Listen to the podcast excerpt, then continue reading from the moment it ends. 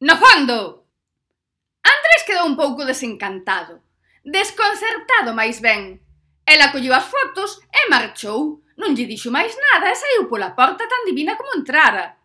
El non sabía como tomalo, se deixaba de traballar para ela, se tiña que seguir ca vixiancia do seu home, Tampouco lle dou máis voltas. Alicia marchara tan airada que nin lle pagara, así que ata ver un feixe de cartos metido nun sobre ou un cheque metido nun sobre, e que lle tiña moita feo do sobre. Así cando nos xuzos lle preguntaban se lle deran cartos por algo, podía dicir que non tranquilamente. A el deranlle un sobre, o que viñese dentro era maiores. Alicia convencerase de que gastar máis cartos con aquela historia era unha tontería. De calquera xeito, estaba farta de vivir unha vida aburrida a carón de Carlos, e a facer como a Helena e comunicar un cese temporal da convivencia. Despois xa vería por onde tiraba. Ao mesmo tempo pensou en averiguar quen era aquela xente ca que parecía que o seu home tiña tanta confianza. Non porque lle importase que tivese unha aventura, ben vía que a moza era guapa, pero se aquilo era o que estaba buscando o seu home, ela non estaba disposta a darllo. Teríase que meter en quirófano de arriba a baixo, e para ser práctica, acababa antes cambiando ela de home. O primeiro que fixo foi chamar a súa nai para dicirlle que ia deixar a Carlos. Carme non se tirou pola fiestra, nin dos pelos, nin nada. Díxolle un, ti xa es grandiña e ben sabes o que che convén. Que Alicia non esperaba, pero que agradeciu. Pensou que lle ia ser igual de fácil contarlle ao seu pai, ou incluso que sería mellor porque a él, Carlos, non lle caía demasiado ben. Aí enganouse. O concellal era máis ben conservador neses aspectos familiares. Montoulle un número de primeira, un número que a antiga Alicia lle custaría un desgusto, pero a nova Alicia non lle causou máis trastorno que afastar o móvil da orella e darlle a tecla de colgar. Agora quedaba o máis difícil, dicirlo a Carlos. Tivo clase, non lle dixo por móvil, nin sequera o tan de moda SMS. Non, agardou a cea. El debiu sospeitar algo cando Alicia lle pediu a súa nai que os deixase a sós un momento. Mais non o fixo, nin lle pasara pola cabeza cousa semellante. El pensou máis ben que era algunha daquelas tonterías que facía a súa muller para reavivar a chama da paixón, daquelas cousas que lía no Cosmopolitan e que ela cría que funcionaban, aínda que a verdade a el nin lle ian nin lle viñan dependía de como o pillase o día. E a verdade é que cando escoitou o de darnos un tempo, a piques estivo de partirse de risa. Pero de que trataba este número do cosmo? Pensou sen darlle máis importancia ao tema. Claro que despois a cousa foiselle aclarando máis. E conforme se lle aclaraban as cousas, tamén as foi tomando máis en serio. Díxolle que ela ia marchar a vivir soa, que el fixese como vise, pero dubidaba que a súa nai o quixese na casa non estando ela. El tiña o case claro, aínda que a súa relación ca sogra era moi boa, non pensaba que tan boa. Cando rematou de dicir todo o que tiña que dicir, que non é que fose moito, preguntoulle se tiña algunha dúbida. A verdade é que tiña un montón de preguntas, pero o que non tiña era gana de facelas. Claro que se preguntaba por que o estaba facendo. Se alguén lle contara algo. Tiña ganas de dicirlle que non había outra. Pero tamén tiña moitas ganas de tomar ese tempo que dicía a Alicia que ian tomar. E tiña medo de que, ao poñerse a falar, a outra lle dese a morriña e lle dixese que todo era unha coña e que seguían como sempre. Ela erguiuse e foi para a habitación. El quedou no salón pensando onde ir, Tampouco que tivese moita necesidade. Tiña un bo soldo no bufete e aquel piso de solteiro que lle dera o concello cando da expropiación polo maremoto. Non o pensou máis. Erguiuse da mesa, foi ao trasteiro, colliu unha das maletas e foi á habitación coller o máis indispensable.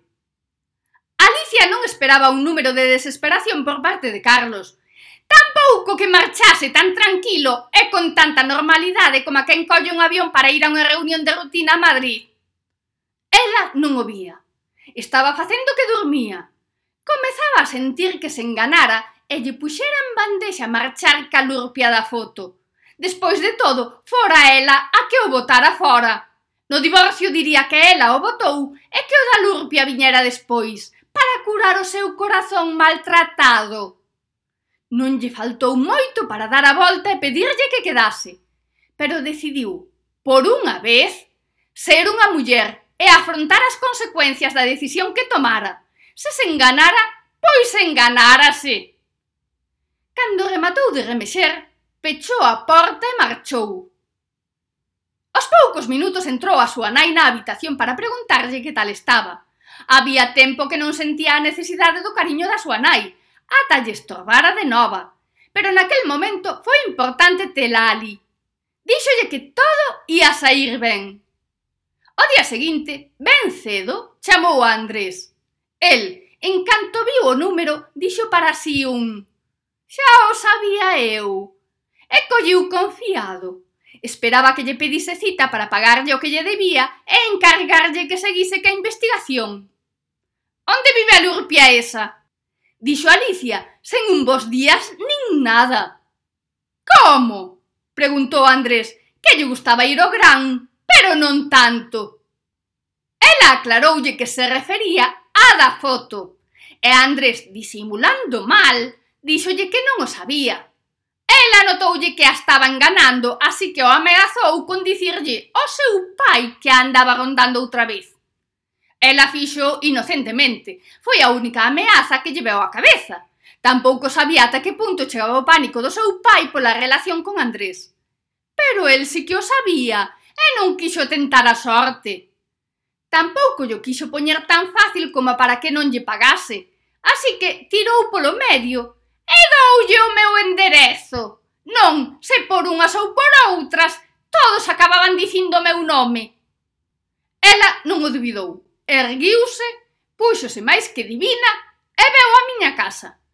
Con decisión, ata que comezou a ver as casas abandonadas e os escaparates baldeiros con portas oxidadas aínda con medo, seguiu. Unhas 20 suxerencias surrealistas de Sandra despois, ocorreuse nos empregar as bombonas de oxíxeno de reposto para reflotar as mesas. Levoume un mundo cargar todos os maletíns nas mesas, mesmo pensei que non ia dar feito.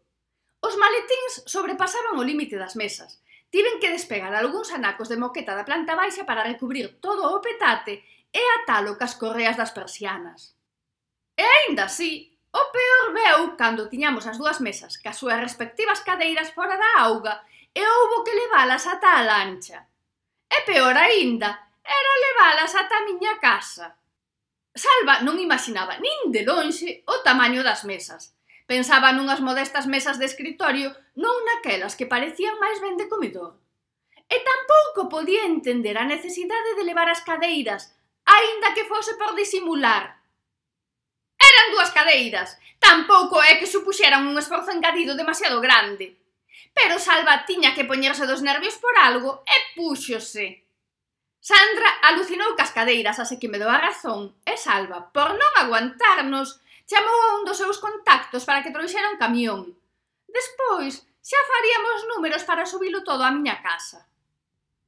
Era o bo da miña casa, que a tiña toda para min, aínda que non funcionaba nada de nada. Non era boa idea deixalo no baixo, ás veces viña xente dormir, no mellor dos casos. Cando o colega de Salva deixou a mercancía na rúa, mirámonos. E a piques estivemos de deixalo ali no medio e subir os maletíns pouco a pouco. Pero de calquera xeito, eu quería as mesas. Quen sabe se algún día conseguía restaurar o edificio e convertilo na miña gran mansión. Xa tiña pasta para facelo, igual me poñía. Claro que igual non era boa idea darme tanto a notar. Sandra colleu as cadeiras decidida e comezou a subir. O colega de Salva mirou para arriba e xuxeriunos que buscásemos unha polea a motor e o subísemos pola fiestra. Entre nós, nin se nos pasara pola cabeza. Eu aínda tiña excusa, estivera tempo debaixo da auga e non lucía moito. Pero a Salva debiulle caer a cara de vergoña. Non era para comentarlo ali ao camioneiro. Hai cousas que canto menos se saiban mellor. Pero eu tiña algo que nos podía servir. Non era unha polea a motor, era un motor de arrastre. Facía un ruido infernal. E tivero que deixar de empregalo porque te sentaba moi mal a humidade. Veunos as dúas a cabeza. Deixei a salva pagándolle o camioneiro e vixiando a mercancía, que non facía falta dicirllo, era obvio que había que vixiar. Subín escaleiras arriba toda emocionada. E de súpeto, no descanso anterior á miña porta estaba Sandra, as dúas cadeiras e un silencio extraño. Antes de que abrise a boca, ela díxome moi baixiño que había alguén arriba, que tiña medo. Non, se ás veces razoa o xusto. Se tes medo baixa correndo, hostia, non queres saber se te matan. Pero estou case segura de que nin lle pasou pola cabeza, así que tratei de non poñerlle mala cara. Habíase Ramón ou alguén da súa camariña. Tanto esforzo para que agora viñesen estes levar toda a pasta. Pois ia o negar ata o final. Por Snoopy que sí. Tratei de mirar polo oco da escaleira a ver se vía quen era, pero nin se escoitaba nada, nin se vía nada. Estaba case segura de que foran imaginacións de Sandra, así que subín toda confiada. Efectivamente, había alguén. Unha señorita da Coruña con todas as letras. Non a coñecía daquela, pero ser era Alicia. A verdade é que non sei cal das dúas colliu máis medo, para min que ela, aínda que para a pinta que tiña non foi moito. Tiña eu a inocente idea de que estas, en canto se cruzaban con alguén como a min, botaban a correr. Claro que tampouco habían estar nunha casa como aquela. Ti vives aquí? Preguntou Alicia. Eu dixenlle que sí, e pregunteille se quería algo. Pregunteillo con moita educación e con voz moi doce. Non fose unha clienta e a espantase, que ter tiña pinta de moita pasta. Non esa da foto, dixo dándome a foto que Andrés lle sacara a Sandra e a Carlos. Pois non, ser non son, dixen esperando que Sandra non subise porque a foto era ben enganosa. O cabrón enganoume, dixo enfadada. Pensei que se refería a Carlos e tratei de calmala, díxenlle que eu estaba á mesma mesa e que non era o que parecía. Ela semellaba non escoitarme. Díxenlle que Carlos era o abogado dun amigo meu e que ela era outra amiga do meu amigo. Non, o cabrón de Andrés, dixo por fin. Díxome que a da foto vivía aquí. Andrés? Non fixo falta dicirlle que me caía mal. Notou na maneira na que pronunciei o seu nome. Díxenlle que obviamente a enganara pero que era de esperar. Ela parecía ter ganas de falar, así que abrín a porta e convideina a entrar. Tamén chamei a Sandra para que subise, porque a pobre levaba un boanaco agardando sen saber que pasaba. Cando Alicia a viu, acendiuselle unha mirada de despeito que ben pensei que acababa en discusión. E cando Sandra soubo que Alicia era a muller de Carlos, tamén arrancou agresiva. Pero non se sabe moi ben como, comezaron a conversar tan tranquilas.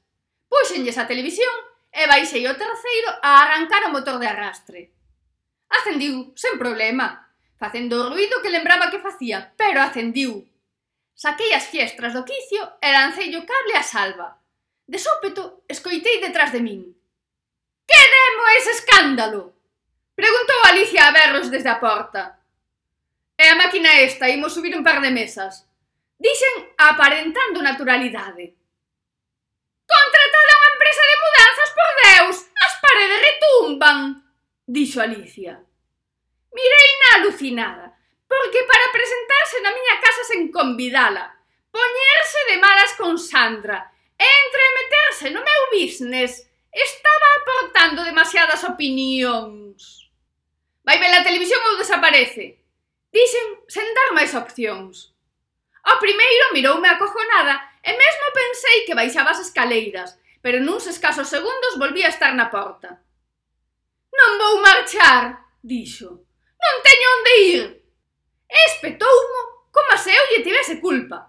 Ainda máis, como se eu lle tivese que solucionar.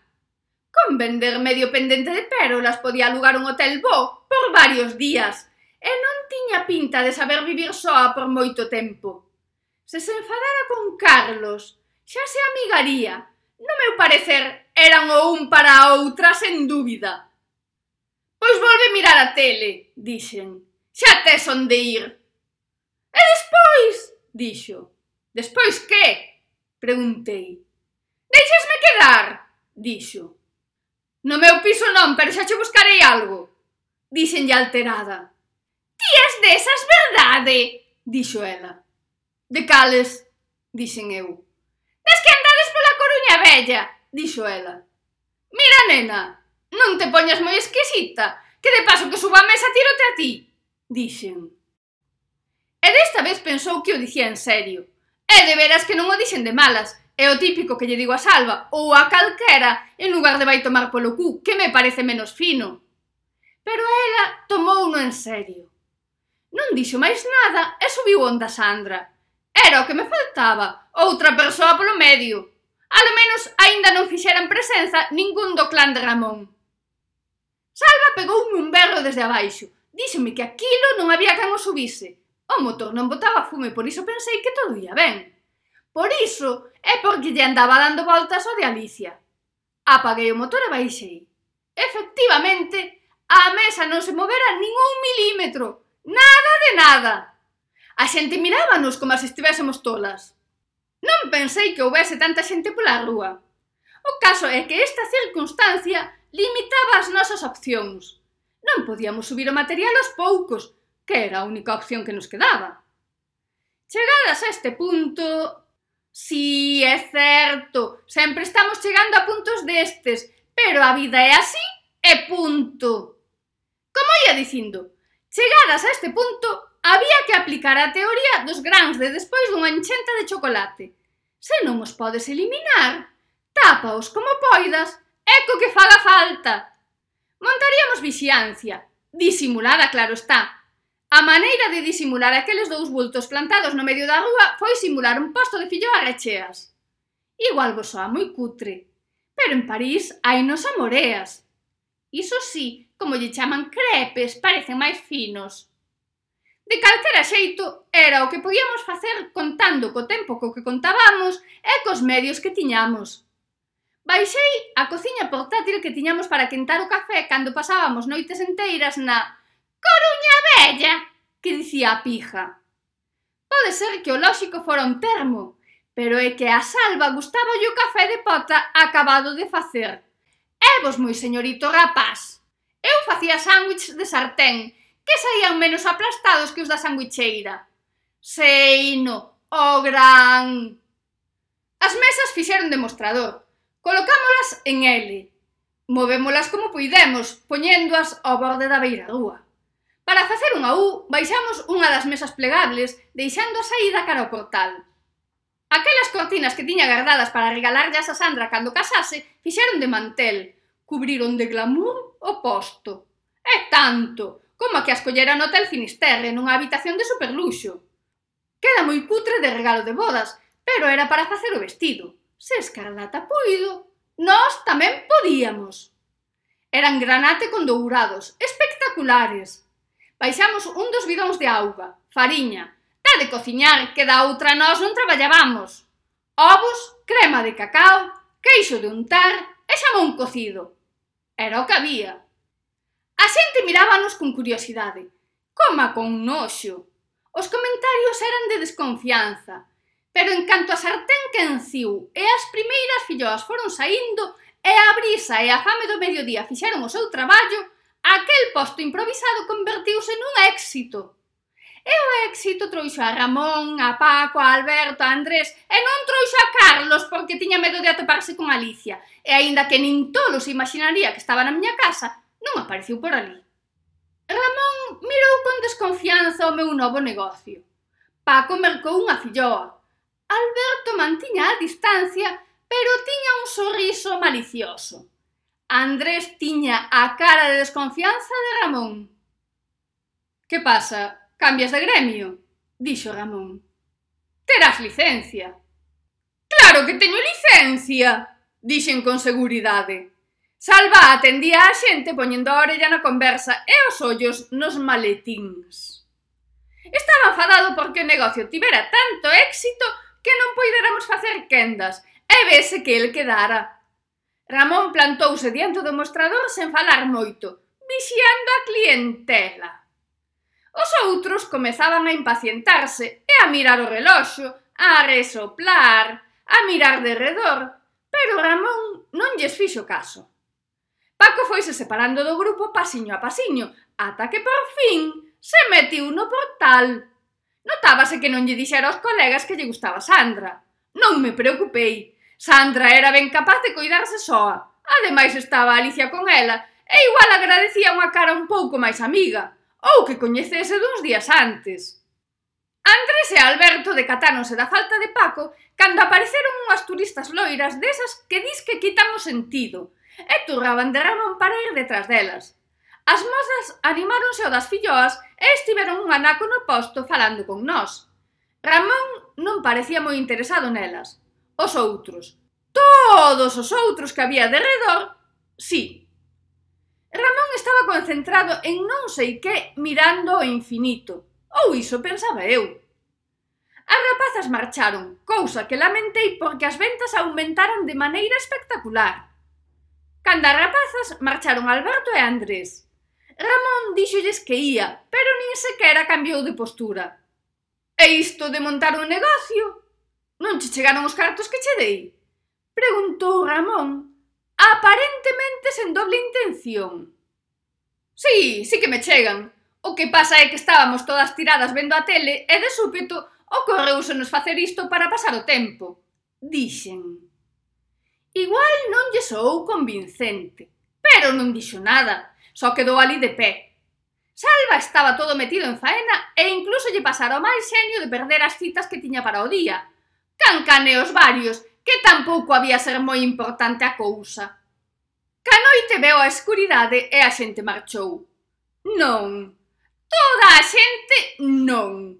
Ramón seguía ali plantado e Salva xa se estaba poñendo dos nervios, menos mal que lle soou o móvil e parecía ser algo tan super mega importante que ata lle dou igual deixarme ali soa con todo o fregado. Sí, sen escrúpulo ningún. Tirou o mandil enriba da mesa e marchou. Na mirada notei un. E amigo teu, apáñate ti. Eu lancei outra mirada do tipo de Despois quererás que repartamos os cartos a partes iguais. El respondiume con outra mirada do tipo de Raíña, que levo máis de seis horas facendo fillós e un ten as súas necesidades. Eu, xa te entendo, pero vai a papeleta me deixas. El despediuse cunha mirada do tipo de que che se se leve, igual aínda veño antes de que marche. Con certa sorna, mellor dito, con moita sorna. E ali me vin as soas a escuras e con sabas de veludo granate. Que sí, que non eran sabas que eran cortinas, pero visto que non tiña escapatoria e que non era plan de deixar toda aquela pasta no medio da rúa, pois aproveitaba. Total, por ali nunca pasaba ninguén. Nunca pasaba ninguén. Pois igual si que era para deixar todo ali plantado. Pero non era capaz. E xa me diredes, que máis metería se total ata había unhas horas non tiña ningún can. Así que tanto me había ter seguir así. Pois non, que non era capaz. Subimos, dixo Ramón. Pero esta vez dixo con intención, ou polo menos eu noteilla, con moita intención desa que había tempo que eu necesitaba que tivese. E vou eu e digo, Non, é que non me apetece. Pouco me faltou para dicirlle que me doía a cabeza. É porque me veu antes o de que non me apetecía, que así mesmo lle espetaba. Pero sí que me apetecía. E a el tamén. Si puxo unha cara de decepción cando lle dixen que non ia subir. E iso? Preguntou. Conteille que tiña na casa a unha pesada que deixara ao marido e que levaba non sei canto tempo rayándome a cabeza cos defectos do elemento, e que como estaba pasando mal, non me facía xeito mandala a paseo, pero tampouco tiña ganas de aguantala. Acabei dicíndolle que subise se quería. Non, quedo contigo, dixo. E daquela que facemos? Carlos miraba no seu interior. Non sabía moi ben por que lle fixera, Comezou a darlle voltas a aquela distancia que lle notara nos últimos días da súa convivencia, e a escuridade da noite, e o valeiro do seu piso de solteiro fixeronlle chegar á conclusión de que Alicia tiña un lío. Nunca lle dera por pensalo, sempre a notara tan entregada e falta de imaginación que nin se poñía celoso cando a miraban nos restaurantes.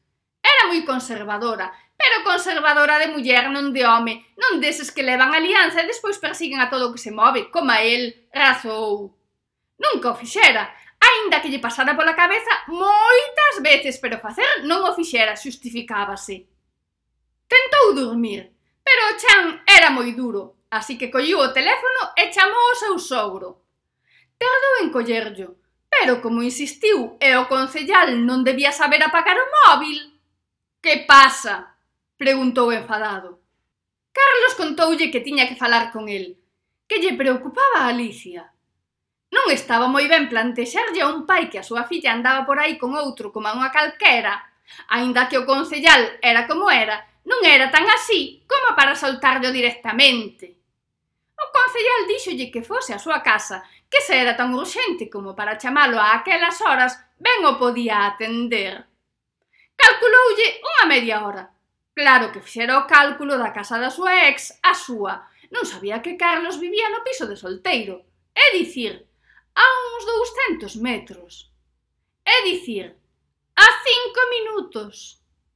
El estaba no Venus, onde ia estar a esas horas nun día tranquilo. Na casa non facía nada, e os do Concello íanse da lingua ca muller, que daba igual no sentimental, pero no profesional non daba tanto, que ser era moi puta, iso dicía el. Ser era lixeiramente vingativa, que diría eu? Carlos chegou neses cinco minutos que calculáramos nós, e chamou o timbre. E agardou. E chamou o timbre. E agardou. E volviu chamar. E outra vez e seguiu chamando ata que unha veciña lle botou catro berros que lle quitaron as ganas de andar tocando botóns. Non de todo, porque colleu o móvil e chamou outra vez ao seu sogro. Por se quedara dormido, por se lle dera unha volta, e porque sí, que se el non dormía, o resto tampouco. O concellal colleu con resignación, pensando que Carlos lle ia dicir que fora un momento de desesperación e que non pasaba nada, que xa se tranquilizara e que non ia acudir á cita. Despois tivo que ser áxil buscando unha excusa para non estar na casa aquelas horas. Empregaría o da reunión de traballo, que era un eufemismo que todo o mundo entendía. Carlos alegrouse tanto de ver o seu sogro que nin se percatou da peste, alcohol e mala vida que desprendía. Tampouco dos abaneos do pobre, pobre non, podre de cartos, home. O concellal tamén se alegrou de que o seu xenro estivese ali, senón había o ter complicado para entrar no portal. E o que pasou a partir de aí foi todo un cúmulo de circunstancias. Carlos precisaba un amigo, aínda que non fose de verdade, un que lle aguantase o rollo. O concellal precisaba nada, non precisaba nada, pero estaba borracho como unha cuba e non sabía o que facía. Perdón, mellor dito, non controlaba o que facía, saber ben que o sabía. Unha vez o concellal estaba tirado no sofá e Carlos empoltronado na butaca de relax último modelo comezaron a falar. Cada un do seu, sen decatarse de que o outro falaba. Carlos contou o do cese temporal de convivencia con Alicia. O concellal contou que estivera de celebración porque tiña un negocio entre mans. Carlos contou que estaba vivindo no seu triste e solitario piso de solteiro. O concellal dixo que en nada ia ter tanta pasta que ia poder poñer unha piscina no fallado con auga quente e mozas guapas. E casi simultaneamente, os dous dixeron algo que ia cambiar as súas vidas. Carlos dixo que Alicia tiña un amante. E o concellal dixo que se ía facer co famoso tesouro da famosa lenda. Como se de súpeto se decatasen da presenza do outro, o concellal evaporáronse automáticamente os graos que levaba en riba. A Carlos púxoselle un sorriso pérfido. Carlos pensou no que escoitara naquela reunión con nós. O concellal apareciuselle a imaxe de Andrés. Por iso o cabronazo andaba tan contento, se ata chegar a sospeitar que lle agachaba algo da historia do tesouro, e a coller polos mesmísimos e arrastralo ata Betanzos, será cabrón, repetía en voz baixa unha e outra vez. Iso doulle tempo a Carlos para asimilar o do tesouro e planexar a estrategia para extraerlle información e non pensedes que nese momento se lle estaba pasando Sandra pola cabeza, non. No que estaba pensando o abogado, como tal, era no seu propio beneficio. Como a todos agás nós, pensaba en como sacarlle a pasta ao vello unha vez el non la sacase a nós. Tan enfrascado estaba facendo a conta da leiteira que nin escoitara as veces que o seu sogro mencionara o nome de Andrés. Pensaba na mellor estrategia para volver ao tema da piscina e, polo tanto, o do tesouro. O concellal seguía co de será cabrón. A verdade é que non lle deixou moita máis alternativa. Carlos erguiuse do sofá, foi cara ao moble que había en fronte e comezou a abrir portas buscando o bar. Tiña que haber un. Por fin, cando estaba abrindo a última porta da parte de abaixo, atopou o whisky de Malta, o ron de 12 anos e todo o repertorio. Non fixo falta moito, un par de pedras de xeo Un vaso non moi limpo e algo indeterminado procedente de varias botellas, todas moi caras, iso sí. E o concellal cantou todo o que sabía, que para nós non era moito, pero a Carlos iluminoulle o camiño. Nada, podemos quedar aquí, a noite está estupenda e con estas estrelas dá gusto estar ao fresco. Dixen toda natural. Ramón mirábame como se notase que o estaba vacilando, Coma se non crese nin palabra, vamos. Podemos ir tomar algo, dixo. Non, é que se a outra me chama, dixen. Xa están os outros arriba, dixo. Con iso non contaba, non lembraba que Paco subira e aínda non baixara, e o peor era que non imaginaba que el sí. De todos os xeitos, tentando a sorte, preguntei, que outros? Sandra e Paco polo menos, dixo con seguridade. Aínda perdida, seguín intentando. Sí, non, dixen. Sí, ou polo menos na fiestra están. A separada debe ser a que non coñezo, dixo con seguridade, sinalando cara arriba con seguridade e mirándome con seguridade. Ai, sí, non o lembraba, dixen disimulando. Pois estaba lista, a ver que lle inventaba. Imos. Xa estou comezando a pensar que me estás evitando, dixo. Non o, dixen disimulando. É que... É como viu que tardaba moito en responder, dixo.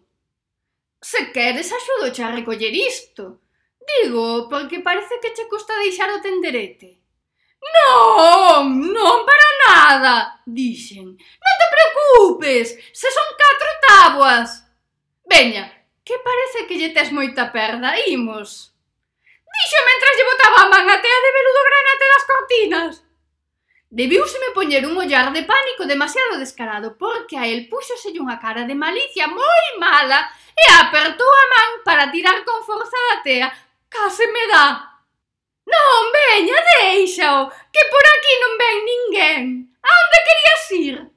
Preguntei, agarrando o do outro brazo e poñéndome medio tontorrona a ver se soltaba a cortina dunha vez. El sorriu e soltou a tea, sen moito apuro non vai a despensar. Exprimiu a miña angustia ata o final. Na fiestra estaban as tres lerchas mirando. A Sandra xa lle valía, que ben podía baixar e quedar de garda. Non sei que facían ali plantadas mirando o horizonte ou para baixo, que para o caso era o mesmo. Contaba con que mentras miraba as estrelas lle botase un ollo aos maletíns. Tería o detalle polo menos.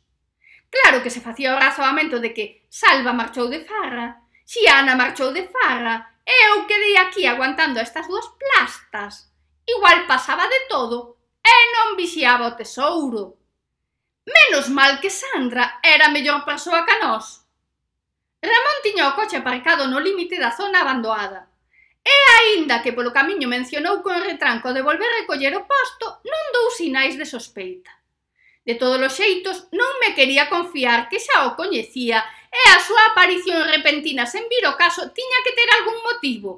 E o meu obxectivo era descubrir cal.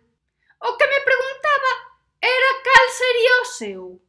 Fomos a un bar de copas para solteiróns que abriran había pouco e que tiña moita sona.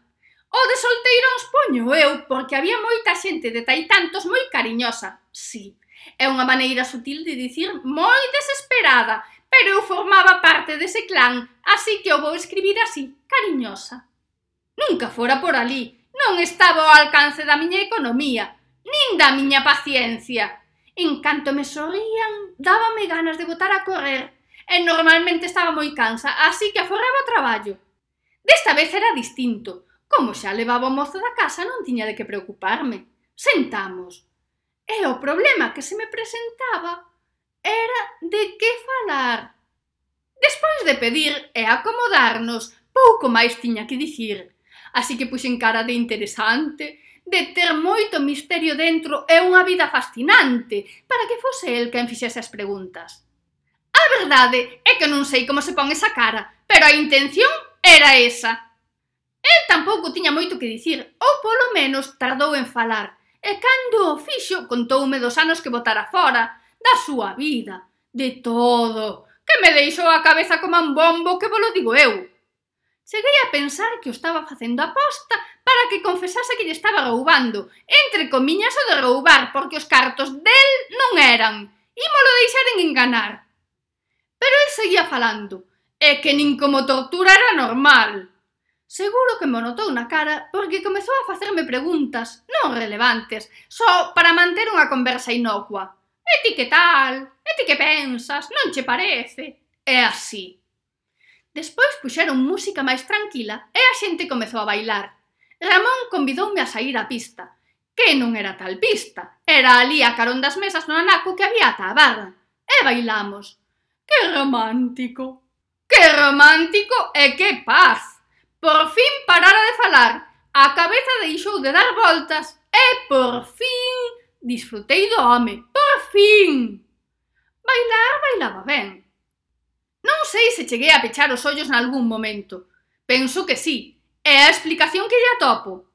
O único que sei é que despertei sentada nun banco, tan tranquila. Ainda era de noite, así que non debera pasar moito tempo. Ou iso cría eu. Incorporeime e mirei de redor para ver onde estaba. Notei un ruido enxordecedor que se chegaba, como para non notalo, da hora que debía ser notabas ata unha mosca. Admito que incluso me chegou a asustar. Parecía que viña cara a min, pero non se vía nada e non entendía por qué. As estrelas dábanme visibilidade da bondo como para velo se estivese ali, e non o vía, non vía nada, só ese ruido. Cando xa a cousa non podía ir a máis, Apareceu unha luz no horizonte. Unha bombilla en fronte de min que en segundos se convertiu nun foco que me miraba fixamente, interrogándome. Estaba acojonada. Quería ir cara atrás, pero como estaba sentada e non daba feito a poñerme de pé e botar a correr, o único que conseguía era empurrarme, mellor dito, empotrarme no respaldo do banco. Tanto que non sei como non o partín polo medio ou como non quedei ali tipo tapete de ganchillo. Cando pensaba que se ia abrir unha comporta e se ia deslizar unha pasarela e baixar un cabezón baixiño cos dedos longos e mirar a morriñenta sinalando co índice iluminado cara ao ceo dicindo «Mi caza!» O ruido parou. A luz apagouse. Acendiuse unha luz azul debaixo do que fose que estaba ali mirándome e apareciu con claridade unha especie de helicóptero que estaba dobrando a hélice cara abaixo e empaquetándose ata quedar nun catrado. Despois, baixou cara abaixo, vale, vale, cara arriba non ia baixar, apagouse a luz e todo quedou en calma de novo. Foi automático, erguínme e fun mirar, non había nada, só un acantilado e auga, a auga de toda a vida, salada imagino, estaba a marea alta, pero non da bondo como para probala, o caso é que sendo de mar estaría salada. Dei voltas de redor mirando para todas partes. Era oza e todo estaba tan tranquilo como debía estar, Botei a andar ata a taberna dos pescadores que había preto da antiga vía. Quería tomar algo para despexarme, para centrarme. Ainda que tiña medo de contarlle semellante cousa a alguén. Mentras camiñaba, botei man do bolso. Tiña que chamar a Salva para que viñese e me axudase a baixar para ver o que había ali. Apalpei e apalpei, pero non tiña o bolso. Deberame caer no banco. Estaba deitada cando espertei, igual o usara de almofada. Dei volta cara ao banco. Todo seguía en silencio, seguía todo escuro agás polas estrelas. No banco non había nada. Sentei desesperada. Non só tiña unha lagoa de sabe Dios cantas horas. Perdera o móvil. Non tiña cartos, nin memoria suficiente para lembrar ningún número de teléfono. Non adiantaba nada indo á taberna, así que fun cara á casa. Estaba cansa, pero ali non facía nada. Cando cheguei á casa, esperaba atopar a Alicia e Sandra tiradas no sofá ca teleposta nos anuncios e lotes de papéis e paquetes de galletiñas saladas tirados polo chan. Pero non. Todo era silencio. Comezaba a pensar que o ruido do suposto helicóptero, nave espacial, nave extraterrestre me deixara sorda, porque só escoitaba silencio. Non tiña chave, cousa que lembrei cando estaba diante do portal. Desexei que estivesen arriba, pero chamei e chamei e ninguén me abriu. Nese caso, só quedaba coller unha pedra, romper o cristal que tanto me custara conservar enteiro e abrir desde dentro. Na porta do piso foi máis complicado. Collei un arame e metino polo fecho. Deille voltas como nas películas, pero non abriu. Baixei o primeiro, collín a palanca e desmontei a porta de castaño. Era obvio que non estaba na casa. Dentro había... Sí, silencio. Tiña fame, así que prendín a tele mentras ceaba algo. Na teletenda había o de sempre. Comezaba a pensar que pasara unha eternidade, que estivera metida nun buraco espazo-tempo deses, e que cando atopase as miñas amigas terían 40 anos, catro fillos e un chalé na zona boa. Dei o teletexto e respirei con alivio e con certa tristeza, xa me afixera a idea de ser dez anos máis nova que o resto e ter algo emocionante que contar. Non, Só pasara un día. Só un día. A nos esvaeceu a miña emocionante vida para converterse no mesmo de sempre. Que decepción! E ali estaba eu, vendo unha aspiradora que era a hostia e comendo uns fiambres fríos. O de atopar o fiambre que tiña na neveira case no mesmo estado de conservación que cando os deixara, debera me dar unha pista. Pero ata que mirei a data na pantalla da televisión nunca ainda burra. Sí, Ali estaba eu toda decepcionada, decepcionada de todo, de todo, de todo. Cando rematei, fun mirar pola fiestra. Sí, a fiestra. Esa fiestra na que estaban Sandra, Alicia e Paco cando marchei. A fiestra na que as deixei vixiando o tenderete das filloarrecheas. As mesas cobertas cas cortinas de veludo, as cortinas de veludo que agochaban os maletíns cheos de pasta que rescatáramos do subterráneo da Caixa Universal e estaba mirando o horizonte e mirando para a estrada. Ese horizonte escuro e silencioso cunhas poucas estrelas. Esa rúa baldeira e silenciosa. Baldeira e silenciosa. Silenciosa, sí, pero baldeira, baldeira, baldeira, como que baldeira, os cartos, onde estaban os cartos? O corazón comezou a latexar forte, moi forte, e eu a andar como unha histérica dun lado a outro ata que sentei diante da tele e lembrei que pasara un día desde que deixara todo petate na rúa. Seguramente os colocaran. Salva había atopar unha solución de transporte. Tiña que falar con el, non eran horas, pero tiña que saber que fixera. Tardou en abrir. Estaba me dando por pensar que se me fugaran para o Caribe. De feito, Salva era quen dicía que o quería facer.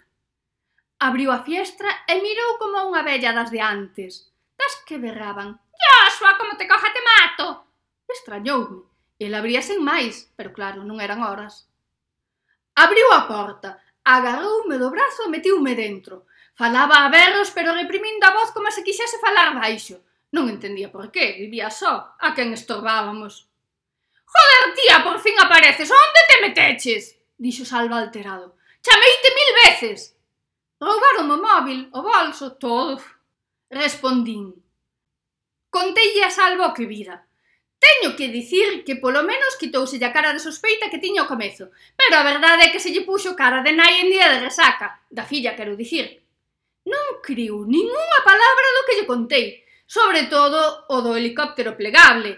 Aí non é que puxese os ollos como a pratos como no de antes, aí tratou de aguantar a risa. Fixo un esforzo grande, pero nada efectivo. Cando rematou de rir, mellor dito, cando logrou manter a risa máis ou menos a raia, Pregunteille polas mesas e os maletíns. Miroume con sorpresa. Non era o que necesitaba naquel momento. Díxome que pensaba que as agachara eu, que me deixara a cargo delas e que como cando volviu o día seguinte non estaban, supuxo que eu me encargara do tema. E aínda que tratou de disimular, noteille que no fondo había un lixeiro recelo, como desconfianza, que casi chega a pensar que me fugara cos cartos. Tamén teño que dicir que lle notei algún remorso, Díxome que Sandra me vira marchar con Ramón e que cando Paco, Alicia e máis ela marcharon, ali non quedaba nada, polo que supuxeran que eu volvera para levalo. Pero estaban na fiestra, non viron nada, preguntei. Non sei, non me dixeron nada diso. De todo os xeitos, Sandra non sabía que os cartos estaban ali debaixo. Ela pensaba que os sacáramos capolea, dixo Salva. Vaya desastre. Todo tiña lógica, e ao final a culpa era miña. Non debera marchar, todos cumpriron co seu cometido. Paco entretiver a Sandra, Ramón a min, e Salva xa se entretivo por si mesmo. Non pasa nada, da igual. Poidemos coller algún maletín, pero fomos demasiado avarentos, dixo Salva sen enfado. Preparou café e puxémonos a razoar, a facer a conta da leiteira. Acabamos rindo. Ben pensamos en pasar de todo. Tomáranos o pelo. Fixéramos todo o traballo e volvéramos pringar. E facendo razoamentos deste tipo, púxosenos a mala hostia e arrancamos. Non tiñamos moi claro que facer. A última pista que tiñamos era o baile con Ramón, así que fomos falar con Ramón. Salva abriu o portal cunha chave mestra que tiña. Dicía que se chamábamos o timbre non nos ia abrir. Eu esperaba que non marcharan xa para o Caribe, que era xusto o que deberamos facer nós. Andrés tiña cara de mal despertar. Viña en calzoncillos e apoiouse no quicio da porta como home seductor que era, todo natural, atrancando a porta. Queremos falar con Ramón, dixen. Moi ben, dixo el.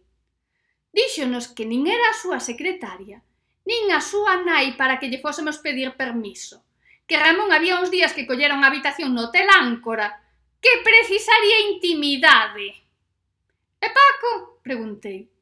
Paco está dormindo, se non o despertastes, claro, dixo el cortante. Mentras el falaba, eu escoitaba ruidos dentro e facía esforzos por ver entre os ocos que deixaba. Non vi máis que unhas pernas de muller que saían ao corredor e se volvían meter dentro de súpeto. Mirei a Salva e dixenlle que marchábamos. Aínda que a curiosidade me poidese, tampouco era tanta que preferise saber quen era a dona das pernas antes que onde meter os cartos o desgraciado de Ramón. Fomos ao hotel Áncora. Non nos deixaron entrar, non podían molestar os clientes. Non foi tempo perdido, polo menos sabíamos que aínda era cliente do hotel, que aínda estaba ali. Cousa que me preocupou, porque se non marchara, non fora el quen levara os cartos. Daquela o da habitación do hotel sí que era para o da intimidade, polo que estaba con outra. Manda carallo co tío! Como non tiñamos nada que facer ali e Salva xa se desvelara, deixouse convencer para ir a Oza, onde lle dixera que vira o helicóptero plegable. Aceptou non porque me crese, senón porque de camiño partías a miña conta e porque tiña gana de escoitar de novo a historia. O que non esperaba era ver a luz azul que eu lle describira que se vía saindo da auga nin escoitar aquel ruido enxordecedor que era bastante máis forte do que eu lembraba dando voltas sobre as nosas cabezas. Sentamos no banco. Salva sentou porque estaba alucinando e non se tiña de pé. Había uns catro helicópteros dando voltas e non semellaba molestarlles a nosa presencia. Non parecían facer nada útil, non levaban carga, nin saían da entrada do antigo porto. Salva experimentou a sensación de empotrarse no respaldo do banco que eu experimentara unhas horas antes. O foco viña cara a nós ata cegarnos, apagouse de súpeto e a luz azul deixounos ver como se plegaba. Salva, tiño os ollos fora do sitio, eu escoitei un. Non pensarías que che ia deixar quedar con todo. Era Ramón. Era o que me dixera o día antes, bailando, xusto antes de pechar os ollos. Cando Salva conseguiu pechar a boca, mirámonos e lémonos o pensamento. Mentras as outras luces revoloteaban no horizonte, camiñamos cara ao acantilado. Non tiñamos medo, tiñamos esa emoción do descubrimento, da investigación, do rescate. A auga estaba máis abaixo do que parecía. A luz viña dunha plataforma metálica que debía ir sobre raíles cara á montaña. Iso era máis imaginación que vista, porque o acantilado era demasiado recto para ver máis aló. Había que asomar máis. Eu non tiña intención de facelo. E Salva díxome que nin de coña, que aínda estaba dormido, que se estaba tola, que non era asunto noso e que eu pesaba menos ca el e que me aguantaba mellor. A pique se estiven de aceptar, non por convencemento, senón por curiosidade. E que me podía, Menos mal que monotou e pensou que igual era mellor ir bordeando a costa a ver se atopábamos por onde baixar. Non o atopamos, atopamos un saínte por onde supoñía que estaba o portalón polo que se agochaban os helicópteros. Era simplemente fascinante. Ao fondo vías as luces de Santa Cruz, Santa Cristina e do Burgo. Comezaba a abrir. As luces do horizonte viñan cara a nós, as dos helicópteros, claro, para recollerse, claro. Por orde foron desaparecendo baixo a nosa atenta mirada e baixo os nosos cansos pés. Por uns intres, o misterio dos helicópteros plegables fixérame esquecer a frase que lembrara había uns intres máis. Non pensarías que che ia deixar quedar con todo. Volvín escoitar e doume un baixón espantoso e contagioso co que acabamos sentadas de novo no banco ca mirada perdida sen ver solución. Non vos cortedes. Se queredes, baixamos e vedelo de preto. Dixo unha voz autoritaria detrás de nós. Salva mirábame de reollo para ver que ia facer eu. Eu miraba de reollo a Salva para ver que ia facer el. Demos a volta un tempo e moi a modo, por se nos disparaban que nos pillase de perfil. Sempre habería menos probabilidades de que nos acertasen. En todo caso no nariz, pero igual nos facían un favor. Era un home de uniforme. Perdón, era un Adonis que quitaba o sentido dentro dun uniforme que nin feito a medida. Despois da consabida dilatación de pupilas, sentín alivio porque non fose a policía e viñese en son de paz.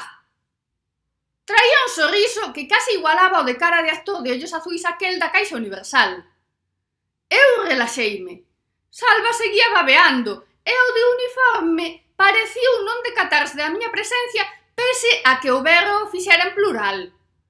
E sen ánimo de exercer a miña cobardía natural, nin deixar tirado a un amigo fronte ao perigo, nin de fuxir a fume de carozo como se houvese rebaixas no China Máxica, fíxeno.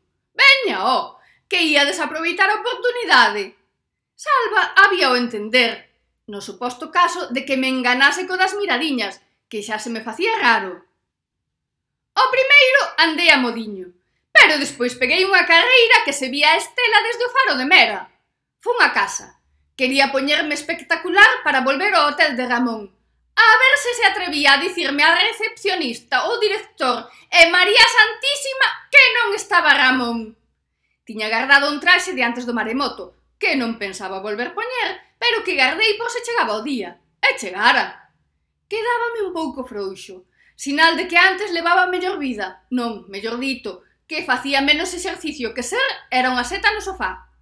Unha última visual no espello. Bah, non estaba mal. Rara, pero mal non. Vaya, sei que me enganei de porta, dixo Ramón. Joder, o día comezara forte e ia a peor. Non ganaba para sustos. Foi abrir a porta e dar con Ramón apoiado no quicio todo ancho. A ver se me enganara con el. A onde vas tan posta? Preguntou. E non me miraba con desgusto por moito que me criticase, non. Para min que o sorprendera. Díxome que tiñamos que falar, que o deixase pasar. Pero aínda estando na entrada da miña casa, que a porta aberta, díxenlle que fósemos a un bar que unha non se poñía de punta en branco para quedar na casa. El díxome que non estaba para historias e que se non lle deixaba pasar falaba na porta, que tanto lle tiña, total pouca cousa quería. Non me gustou nada o ton que empregou e como para chula eu, díxenlle que se tan pouca cousa era que o soltase dunha vez. E fixo. Tes que baixar polo resto. Soltou. Que resto? De que vas? Preguntei alterada. O resto da pasta, só sacaches a metade. Porque non a terás agachada na casa, non? Dixo medio en coña. Deixei ben claro que subíramos todo o que atopara e que se había algo máis non estaba na caixa. E sobre todo, e máis importante, que non tiña nin a máis mínima intención de volver facerlle de criada. El sorriu con malicia e díxome que lle parecía moi ben que fose tan inocente como para pensar que podía enganar o resto, pero que el me coñecía moi ben e que ía tres pasos por diante Deixoume ben claro que ia por libre e que non tiña intención de repartir cos seus colegas, pero que o concellal non era tan bo de conformar, que non lle colara o de que non sabía nada e que eu lla xogara. Así que tiña que baixar polo resto para darlle ao concellal, que el xa colocar os maletíns e non podía volver a operación atrás. Deixoume descolocada de todo. Non era a primeira vez que me xogaba. E si, sí, Fora demasiado inocente pensando que o daban ganado, pero non lle vía sentido a que trouxese os seus colegas e despois os deixase colgados, aínda que cadraba co que nos dixera Andrés. Claro que tamén me dou por pensar que era toda unha comedia para aproveitarse máis de min, que era ben capaz. Fose como fose, díxenlle que o amañase como poidese, pero sen min. El marchou e mentras baixaba polas escaleiras soltou. Iso xa o veremos. E igual foi polo eco e pola mala hostia que levaba o rapaz, que soou demasiado tétrico. Tiña que falar con alguén, e a chamar a Sandra, pero lembrei que me roubaran o móvil. Mellor dito, que mo roubara el. Botei a correr escaleiras abaixo. Era hora de que me contase todo, quixese ou non. Agarrei no polo brazo e obriguei a dar a volta para mirarme. Pero ti de que vas? Preguntei. Díxenlle que non era a súa criada e que se esperaba que me pasase por vez o de quedar sen nada ia listo, que non sabía con quen se estaba metendo. Seino perfectamente, dixo con voz fría e distante. É seguro que o sabía, pero tampouco era para darlle a razón así como así. Tamén seguías encadrarme que traizoara aos seus compañeiros, non porque non fose capaz que ben era, senón porque os outros non o ian deixar marchar con tanta facilidade, sobre todo Andrés. Vamos, que non me cadraban as contas. Seguía agarrándolle o brazo, e para ter a cara de mala hostia que tiña, e estar enfadado como estaba, notaba o tranquilo. Non intentara soltarse, nin lle molestaba o interrogatorio. Pero aínda había algo máis raro. Cando lle facía comentarios do tipo de Ti de que vas? Cando me alteraba, el desviaba a mirada. Sí, algo raro pasaba. Normalmente, cando me facía unha putada e niso tiña experiencia, mirábame fixamente a cara, os ollos, para que lle crese o que me contaba. Pero Xiana, como me ian ver cunha loira se estiven toda a tarde na biblioteca? Sí, mirándome os ollos cun sorriso doce e o pulso que nin se lle alteraba moi cabrón. Como os dacía que superan o polígrafo asumindo dúas personalidades? Pois este igual, pero menos elaborado. Porque eu pilleino sen polígrafo nin nada. Iso sí, el intentouno. Agora era distinto. Non se molestou en disimular, como se quixese que descubrise a mentira. Tes que volver ali abaixo e sacar todo dixo. Nin de coña, dixen sorrindo. Sorrín porque me saiu, que me fixo gracia a súa insistencia, a súa necesidade. A el non lle fixo tanta e púxose máis serio aínda que xa era difícil. Faino, ordeou. Non, dixen. Faino, ou vas perder máis do que pensas. Dixo en ton ameazante. Ainda que polo mirar non parecía esa a súa intención, Igual estaba xogando o despiste. Como o das dúas personalidades non lle funcionara, agora intentaba o de dar sempre respostas falsas. Mais que, tempo, paciencia, non te preocupes, teño de sobra, podo permitirme o luxo, dixen. Miroume en fite, mirou o brazo que lle estaba agarrando, mirou a miña man e apartou unha como se de súpeto lle molestara. Dou media volta e colleu escaleiras abaixo. No relanzo volviuse cara a min e insistiu. Faino, ou vas perder máis do que te podes permitir. E marchou, mellor dito, intentou marchar. Fun detrás del, non lle ia consentir que me ameazase, e nin moito menos que dixese a última palabra sen darme opción de réplica. Deino agarrado polo ombreiro, detívose, pero aínda tardou en dar a volta, A pique se estiven de botar a correr e pecharme no meu piso porque aquela demora tiña pinta de que estaba tratando de calmarse, de conter as ganas de mallarme a paus. Era ben capaz, non de mallarme a paus, esperaba, pero si sí de botarme un berro que me deixase sen sentido.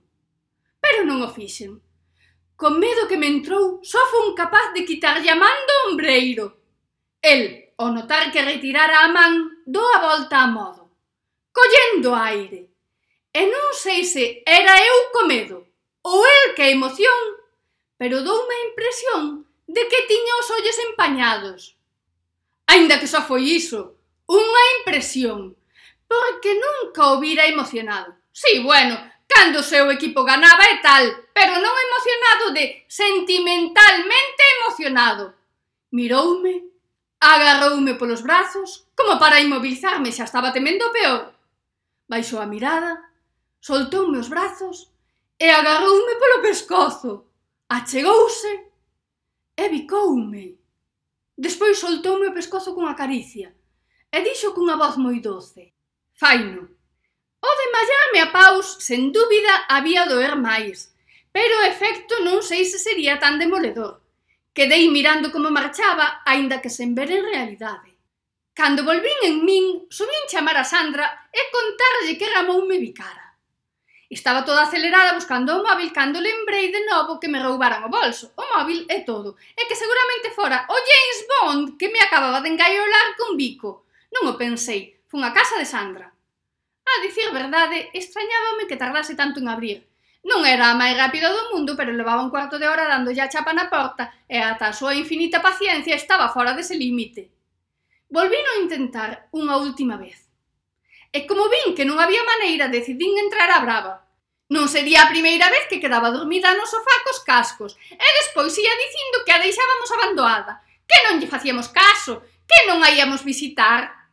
Collín impulso e deille unha patada á porta e a abrina. Non é que tivese tanta forza, é que se despechaba cun golpe seco a media altura, algún defecto de fabricación. O piso non estaba revolto nin había indicios de violencia. Todo estaba no seu sitio, a tele apagada, a cociña recollida e a manta do sofá dobrada no respaldo. Sentei e puxenme a pensar. Con Paco non podía estar. Non era normal que tendo ela un piso para eles sós, estivesen noutro con dous homes e unha muller máis.